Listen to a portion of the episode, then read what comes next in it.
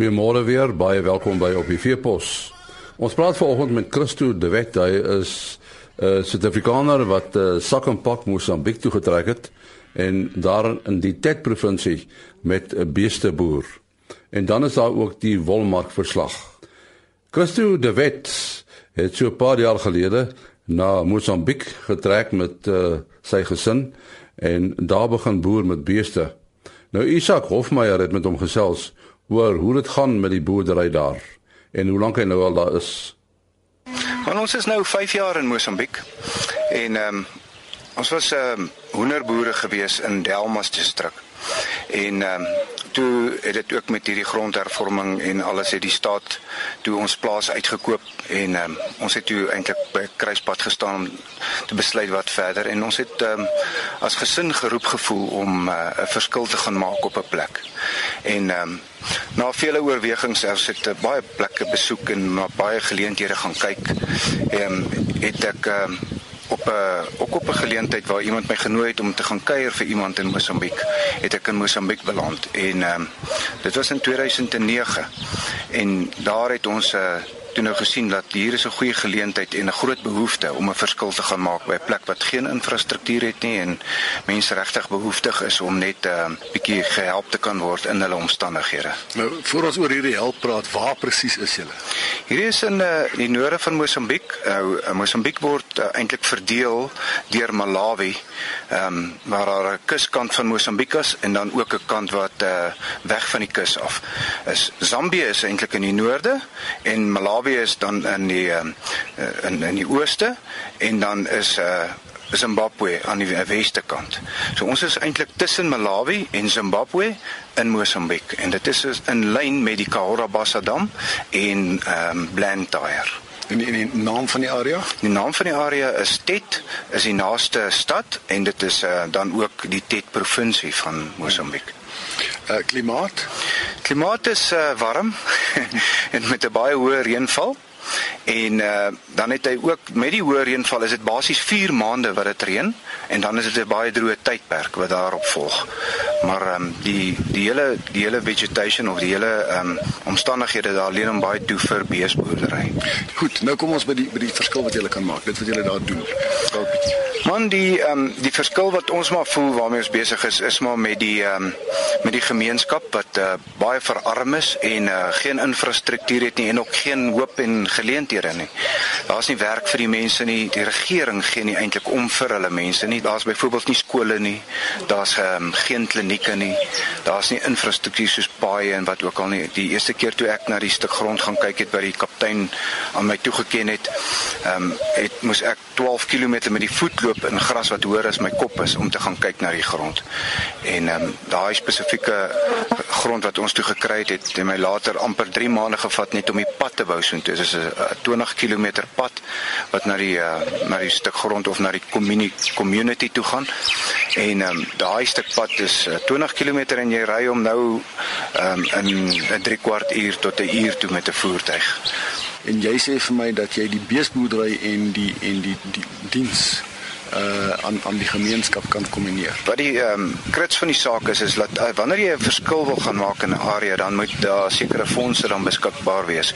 Die een die een uh, rigting is natuurlik waar 'n uh, organisasie jou soontoe kan stuur en hulle jou dan finansiëel ondersteun en dit voel vir my na die die bodemlose put tipe manier om dit te doen. En ons het toe nou besluit dat wanneer ons um, onsself kan befonds deur 'n besigheid daar te hardloop en dan daai fondse dan gebruik en terugploeg in die gemeenskap, dalk meer 'n volhoubare manier is om dit te doen.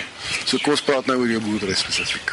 Ons doen beesboerdery. Ons het 'n uh, bietjie Suid-Afrikaanse beeste, seker 150 van verskillende rasse het ons opgevat soontoe. En dan het ons ook uh, plaaslike beeste daar aangekoop en hulle het nou meer jou uh, Ankoni tipe ehm um, bees wat uh, wat die plaaslike beeste daar is, 'n baie baie klein ram tipe bees en ons is dan nou tans besig om die twee ehm um, Suid-Afrikaanse en Europese rasse wat ons nou maar tipies in Suid-Afrika sien te kombineer met die Ankoni beeste wat daar bo in die noorde is. Een van die eerste vrae wat wat boere wat nou luister sekerlik in hulle koppe sal hê is nou watter van ons Suid-Afrikaanse rasse werk die beste nou? Ek het gesien dat uh, binne in rasse selfs groter variasie is as tussen rasse. Dit gaan vir my meer oor 'n tipe bees wat daar aard eerder as 'n 'n spesifieke ras. En daai tipe? As jy byvoorbeeld wil uh, 8 kg iets vat en jy wil dit in 'n 5 kg pakkie indruk. Dis die tipe bees waarna ou kyk. So ou kyk na 'n kort, 'n kort op sy bene, 'n lekker dik ding, ehm um, en iets wat kan funksioneel ehm um, self sy kos soek. Hy moet kan blare eet, hy moet kan gras eet en hy moet kan gaan soek vir sy kos en hy moet vrugbaar wees. Ek dink nou net sommer myself in in jou situasie. Jy kom op hierdie plek en daar's geen infrastruktuur nie. Al die probleme waarmee jy sit, uh, insette, markte, vervoer, al die goeders. Praat bietjie oor oor oor hoe julle hierdie goed te bowe kom. Ja, dis nog daar's 'n paar hekkies wat ons nog maar moet oorkom. Ons is nou maar eers 5 jaar daar. Ehm die infrastruktuur is is 'n is 'n baie groot ehm uh, uh, ding wat jou tyd vreet en wat baie kapitaal vreet. Ons is basies maar wat ons van die begin af besluit het om te doen is om maar eers ehm um, te fokus op die gedeelte wat die geld moet uh, genereer. En dit is dan nou die eerstens die pad wat uh, soontoe gemaak moes geword het. Dit het ons eerste gedoen. Toe het ons basies net 'n baie eenvoudige struktuur opgesit waar ons as gesin kan saamwoon en toe het ons begin om die water te ontwikkel, drade, grensdrade aan die buitekant te probeer um, bewerkstellig dat die diere net nie kan wegraak nie. Ons is nou op 'n stadium waar ons nou al begin om die kampe bietjie kleiner te verdeel en waar ons nou bietjie meer drukbewyding en veldbestuur te kan toepas en um, ons het toe nou later ook weer dan geleentheid gekry om bietjie uh, meer um, aanvaarbare struktuur op te sit waarin ons kan woon en uh, waar waarvan ons kan werk.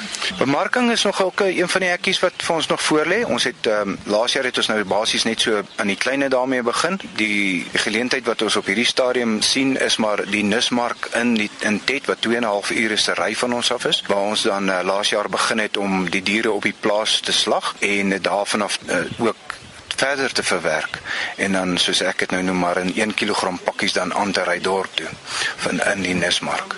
Uh jou jou jou koelketting dit is tog sekerlik 'n probleem in daai in daai temperature om om die die vleis Ja, dit is dit is ook 'n redelike groot uitdaging. Ehm um, om, omdat ons dit op baie klein skaal doen, is dit is dit ehm um, is dit eintlik nie so so ehm um, baie moeilik nie. Ons het uh, maar alles met uh, solar. Ons ons wek ons eie energie op, ons krag op daar met solar want ons is baie ver van enige netwerk af. En dan het ons maar vrieskaste en en yskaste, kusvrieskaste wat uh, wat lae energie verg. Ons hou nou maar die uh, die hele ding maar koud met die vrieskaste en dan vat ons hom dan nou um, met uh hierdie yskas yskassies wat jy um, op die kar 'n charger kan sit. Dit vat ons dan nou dorp toe. Jy, jy praat van van van 'n uh, uh, op die oomblik nog 'n klein volumes. Wat wat is oor van volumes praat jy op die oomblik van en waarheen is jy op pad? Ja, kyk op hierdie stadium doen ons um, doen ons een karkas in 'n week wat ons dan verwerk, slag en verwerk en dan lewer in die dorp. En um, ek weet nie hoe dit op die ou ende gaan gaan uitwerk nie, maar um, ons ons poog dit lyk vir ons ons wil op die ou ende so met so 1000 uh, teeldiere. Ehm um, wil ons meer daar werk. En die, dit markgebied alleen sal al hierdie duisend ure dae geabsorbeer kan word of gaan jy met nuwe markte ontwikkel?